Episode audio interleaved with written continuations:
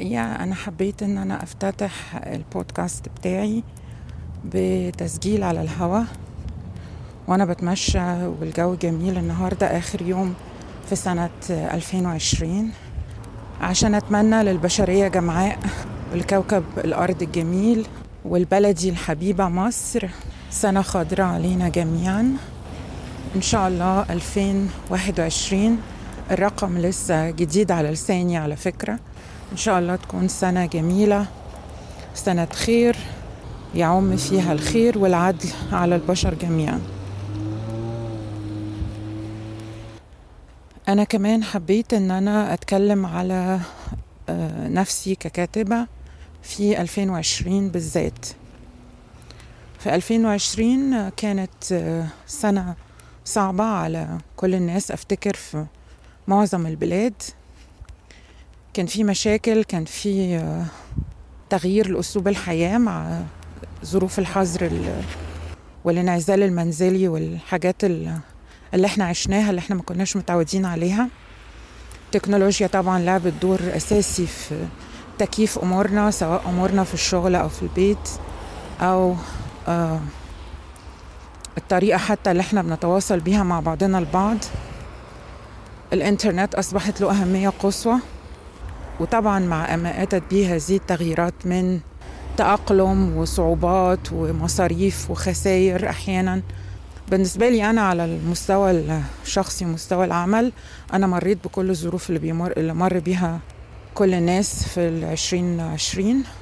وفترة التأقلم بتاعتي ما كانتش صعبة قوي بس كان في تبعات كتيرة بعضها سيء جدا وبعضها محتمل. وأنا أساسا يعني بحب التكنولوجيا وبحب التواصل عن طريقها وبحب استخدام الأدوات بتاعة التكنولوجيا لتوصيل أفكاري وللتواصل مع الآخرين وأيضا لأداء عملي. فدي بالنسبة لي بالحقيقة ما كانتش تغييرات سلبية مية في المية لكن أكيد إحنا هنتغير على مستوى السلوك والاتجاهات تجاه بعضنا البعض بسبب السنة الغريبة اللي إحنا عشناها والطريقة اللي إحنا قدرنا بيها شؤون حياتنا. آه بالنسبة للكتابة أنا مريت بفترات ازدهار في الكتابة وفترات ركود. أفتكر إن دي حاجة عادية في حياة الكاتب خصوصا لو الكاتب مش متفرغ للكتابة زيي. والحقيقة أنا طبعا مصرية ولغتي الأم هي اللغة العربية لكن أنا بشتغل بلغات أخرى. آه فالكتابة كمان نوع من التواصل مع ثقافتي ولغتي وحاجة مهمة جدا بالنسبة لي فما أقدرش أستغنى عنها. فلما ببعد عنها فترة مش معناه إن أنا بكتبش أنا بتكلم على الكتابة الروائية بالذات اللي هي كتابة القصص والروايات. لكن أنا عموما في حياتي كلها ما بيفوتش يوم إلا ما بكتب فيه حاجة أو بسجل فيه حاجة هكتبها. فالكتابة يعني جزء لا يتجزأ من يومياتي والحمد لله يعني. ف هتكلم الأول على الروايات بتاعتي. أنا عندي مخزون من القصص بعضها دونته كمسودات أولى وبعضها مدون بشكل غير مكتمل يعني كتبته لسه ما اكتملش. ف أنا قررت من فترة إن أنا أنشر اللي أنا بكتبه. وطبعا أنا عارفة إن موضوع النشر ده مش موضوع سهل. ومحتاج تركيز ومحتاج طاقة ومحتاج أن يكون عندك معلومات كافية عن المشهد كله. ف بالنسبة لي المسألة كان فيها بعض ال يعني إيه بعض الإبطاء. يعني كنت خدت وقت طويل على ما قدرت أفهم إيه اللي بيحصل بالظبط في ال يعني حالة النشر العربي. وإيه ال platforms الاكثر نشاطا عشان أعرف منها المعلومات دي؟ المهم أنا فكرت أبتدي منين؟ زمان أنا كنت نشرت قصص قصيرة في دوريات ومطبوعات بشكل organic يعني. كنت ببعت وكانت الأعمال بتتنشر. ف وهتكلم عنها بعد شوية بس بالنسبة للروايات أنا قلت أنا هنشر مع دار نشر. ف anyway أنا كنت عايزة أختار طريق النشر مع دار نشر. ف لقيت إنه في مسابقات دور النشر بتعملها عشان تختار منها الأعمال اللي ممكن تحب تنشرها في موسم معين. فدخلت في مسابقة أو يعني جهزت روايتي عشان تدخل في مسابقة. بس للأسف فاتني ميعاد المسابقة لأن عشان فرق التوقيت يعني بعدت في آخر يوم. وكان بالنسبة لهم هم في مصر كان الوقت عدى الساعة 12 بالليل على أي حال دخلت في مسابقة تانية آه مسابقة بيبلومانيا. للرواية العربية لعام 2020 أنا كنت تعرفت على البيبلومانيا من خلال موقعهم الأول لقيت موقعهم وبعدين لقيت صفحتهم على الفيسبوك و الحقيقة دار نشر يعني بجد آه ناس في منتهى الاحترام والذوق وبيعتنوا بكتابهم يعني. اشتركت معاهم في حاجة في مسابقة بيعملوها اسمها مسابقة كاتب الشهر. فافتكر ان الموضوع كان الانتصار على الشدائد. يعني أنا مش فاكراه قوي دلوقتي بس هو كان حاجة زي كده. المهم كتبت قصة وفازت في المرحلة الأولى. أه حطيت القصة دي والحمد لله كسبت واتحطت في في اللي هي مجموعة الفلاش فيكشن اللي عملوها في كتاب مجمع. أه لكن نرجع للرواية وبعد كده هتكلم عن قصة قصيرة لأنها يعني تحتاج مني إن أنا أرك... يعني أقول أنا عملت إيه في 2020 في الموضوع قصة قصيرة. الحقيقة إنه أنا دخلت في مسابقة بيبلومانيا للرواية العربية. بروايتي نساء المحروسة والحمد لله فازت بالمركز الثاني مع روايتين تانيين. المركز الأول برضو كان مناصفة بين اتنين روايتين والمركز الثالث كان بالتو... يعني بال... بالتساوي بين ثلاث روايات. فأنا طبعا كنت سعيدة جدا بهذا الأمر وهذا الإنجاز وأنا بشكر كل من وكل ما ساعدني وآزرني ووقف بجانبي ولو كان يعني بأنه نشر كلمة أو معلومة أنا استفدت منها وأدت إلى هذا النجاح. لأنه النجاح ما بيكونش فعل فردي في اعتقادي يعني إنه لازم طبعا يكون في مجهود فردي بالتأكيد. لكن إحنا كلنا بنتعلم من بعض وبنستفيد من بعض. وأنا التجربة دي الحمد لله يعني كانت إيجابية جدا بالنسبة لي وكان ليا شرف إن أنا تعرفت على الأقل يعني عن بعد على الكتاب الآخرين اللي فازوا معايا في نفس المسابقة. والحقيقة هم في منتهى الود والاحترام وال والتآزر وعندهم روح طيبة جدا تجاه بعضهم البعض. وأنا أتمنى لهم وليا ولجميع الكتاب اللي بيحلموا إن هم ينشروا كلماتهم التوفيق فعلا لأنه العالم بحاجة إلى مزيد من الكتاب والشعراء والفنانين والمبدعين. لا تنتقصوا أبدا من قدر المبدعين لأن هم يعني ركيزة مهمة من ركائز الحياة الإنسانية.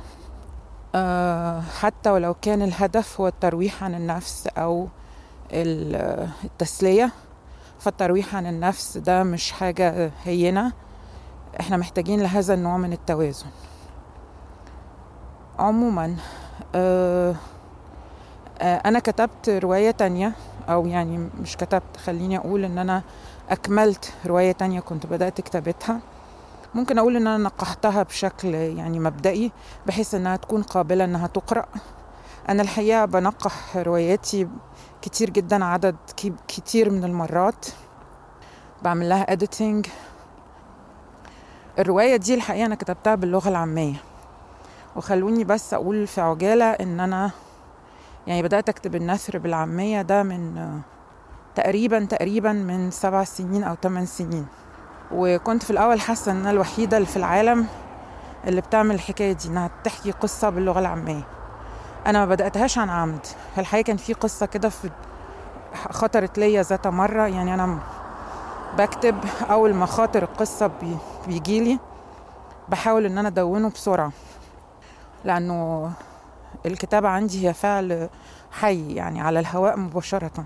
ما بعرفش أكتب بالتخطيط أو بأثر رجعي مثلا أكون فكرت في ال في البلوت والشخصيات والحاجات دي الحبكة والشخصيات والكلام ده وبعدين أبتدي أكتبهم.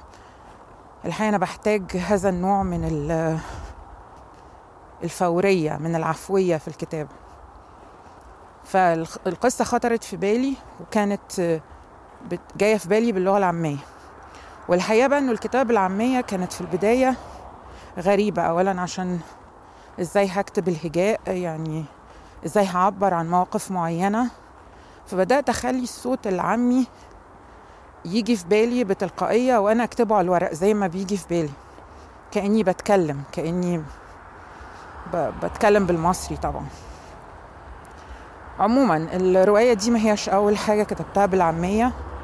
فأنا راكمت بعض الخبرات المتواضعة في الكتابة بالعامية وأنا شايفة إنه الرواية دي لو حولتها للفصحى هتبقى كويسة وكل حاجة بس صوت الراوية هي هيخفت والحقيقة إنه أنا دلوقتي لما باجي أكتب بسيب القصة والراوي وال... وال... أو الراوية هما اللي يملوا عليا أي لغة أختارها الفصحى ولا العامية أو مزيج منهم أو حتى بعض الشخصيات بعض القصص بكتبها من زاويتين مختلفتين من وجهتين نظر مختلفتين. بتكون إحدى وجهات النظر بتتكلم بالعامي والتانية بتتكلم بالفصحى. والمسألة ملهاش علاقة بمثلا المستوى الاجتماعي أو التعليمي للشخصية اللي أنا بتكلم عنها. ممكن يكون بالاستخدام ال يعني ضمير أنا أو ضمير هو. عموما بالنسبة للرواية دي أنا أتمنى إن أنا أنشرها في 2021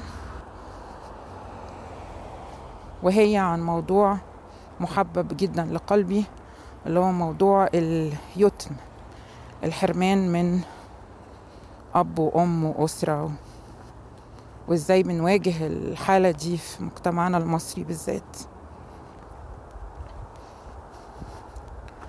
بالنسبة بقى للقصص القصيرة أنا بدأت حياتي الأدبية كلها من سنين كتيرة بالقصة القصيرة.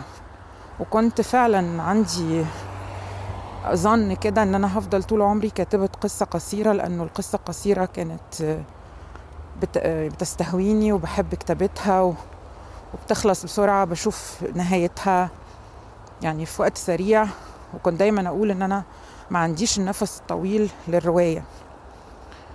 وإنه القصة القصيرة بتخليني أعبر عن أفكار كتيرة في مساحة مركزة. لكن زي ما أعتقد إنه ده بيحصل مع كتاب كتير بتبتدي تكتب قصة بتظن إن هي قصة قصيرة بعدين بتطول منك وبتتحول وبتتحول لرواية. هي فعلا بدأت معايا كده. كتبت قصة قصيرة عن حادثة قتل.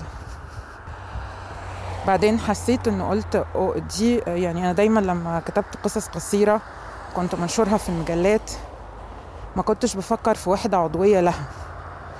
لكن بعد كده لما يعني أصبحت متمرسة أكتر في الكتابة قلت طب ليه ما نكتبش يعني ما اكتبش قصص في بينها خط أو في بينها وحدة موضوعية؟ تجعل منها مجموعة يعني. فلما كتبت القصة دي قلت القصة دي تصلح إنها تكون واحدة من مجموعة من القصص القصيرة وتكون قصص لها طابع بوليسي يعني. بوليسي اجتماعي يعني فيها كذا عنصر مش. مش عنصر واحد. فلقيتني بكتب الفصل التاني أو القصة رقم اتنين. بنفس الشخصيات الشخصية الرئيسية والشخصيات اللي حواليها. ولقيت إنه القصة بتستمر معايا مش على شكل قصص متناثرة لكن على شكل رواية. والحمد لله يعني أنا أنجزت فيها الشيء الكثير والشخصيات تطورت و... ورصدت فيها مجموعة من الأحداث اللي بتحصل حوالينا و... وأنا الحقيقة كانت دي. يعني أنا نشرت أو جمعت بعض من قصصي القصيرة الأولى اللي اتنشرت كانت نشرت في مجلات ومجلات أدبية وحطيتها في كتاب اسمه أجنحة متكسرة و يعني حطيتها بس على على المنصات الإلكترونية لأن أنا كنت عايزة أولا أستكشف الجو بتاع النشر بتاع العار يعني الناس بتقرأ على Google Play على Kobo على آه يعني على الحاجات اللي هي بتقرأ ككتاب إلكتروني يعني. وطبعت منها طبعات محدودة يعني عدد معين من النسخ. وزعتها في مكتبات محلية. لمجرد برضو إن أنا آه يعني أنا مش متوقعة إن أنا أنتشر انتشار كبير بالخطوات دي لكن أنا حبيت إن أنا أجرب طرق للانتشار لأن بداية الطريق إن أنت تحط كتابك بين إيدين القارئ. فأجنحة متكسرة كانت بس أرشفة للقصص بتاعتي اللي فاتت. وطبعا أتمنى إن الناس لو اهتموا إنهم يقروا أعمالي إنهم يرجعوا يقروا عملي السابق اللي هو أجنحة متكسرة بالتأكيد يعني. فرجوعا للقصة القصيرة في 2020 أنا عندي مجموعة من القصص القصيرة اللي لسه ما اتنشرتش. نشرت واحدة منها في إبريل في عدد إبريل من مجلة ميرات الثقافية. مجلة أدبية جديدة مجلة بتعنى بالثقافة عموما.